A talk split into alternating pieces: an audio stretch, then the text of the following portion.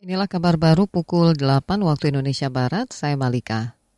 Prabowo Subianto disebut sudah banyak dikenal masyarakat bawah. Ketua Umum Partai Gerindra ini mengungguli dua pesaingnya, Anies Baswedan dan Ganjar Pranowo, karena gencar melakukan sosialisasi di akar rumput. Kesimpulan itu merupakan hasil survei Saiful Mujani Research and Consulting SMRC. Salah satu sosialisasi yang dimaksud adalah melalui atribut luar maupun dalam ruangan – Berikut keterangan peneliti SMRC Saiful Mujani.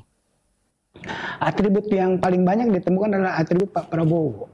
Hmm. Jadi ini bukan soal apa namanya sisa ingatan memori lama. Pak Prabowo udah kampanye tiga kali dalam pemilu, tapi atributnya real itu ada. Ada ada kampanye yang ada kampanye dilakukan. yang sudah dilakukan gitu loh. Saiful Mujani menambahkan tim Prabowo dan Anies rajin membagikan atribut ke masyarakat bawah sehingga mereka lebih dikenal ketimbang Ganjar Pranowo.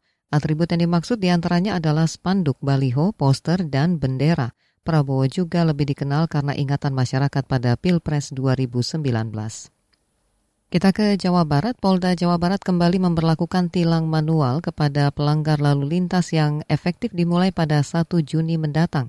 Padahal sebelumnya Kapolri Listio Sigit menerapkan tilang elektronik untuk menghapus pungli.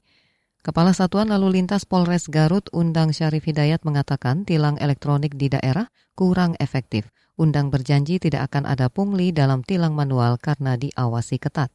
Uh, untuk tilang elektronik sebetulnya efektif juga, ya. Tapi lebih efektif lagi kita menggunakan tilang manual. Karena kenapa? Ya kan?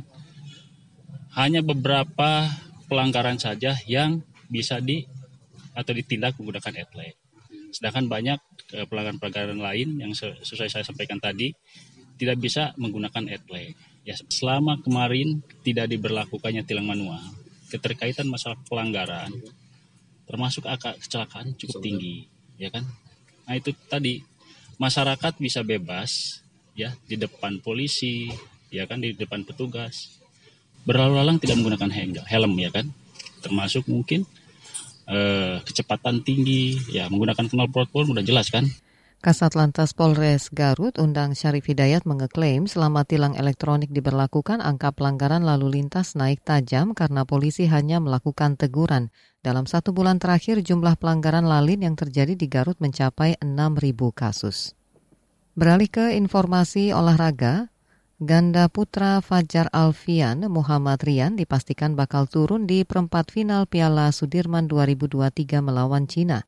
Sang pelatih Harry IP mengatakan Fajarian adalah ganda terbaik Indonesia saat ini. Sementara di sektor tunggal putra, Cina diprediksi akan memainkan Xi Yuki atau Li Shifeng. Tim Merah Putih memastikan akan menurunkan formasi terbaik. Manajer tim Arman Darmaji mengatakan Indonesia memang tidak diunggulkan, tetapi itu bisa membuat para pemain tampil tanpa beban. Demikian kabar baru dari KBR, saya Malika, salam.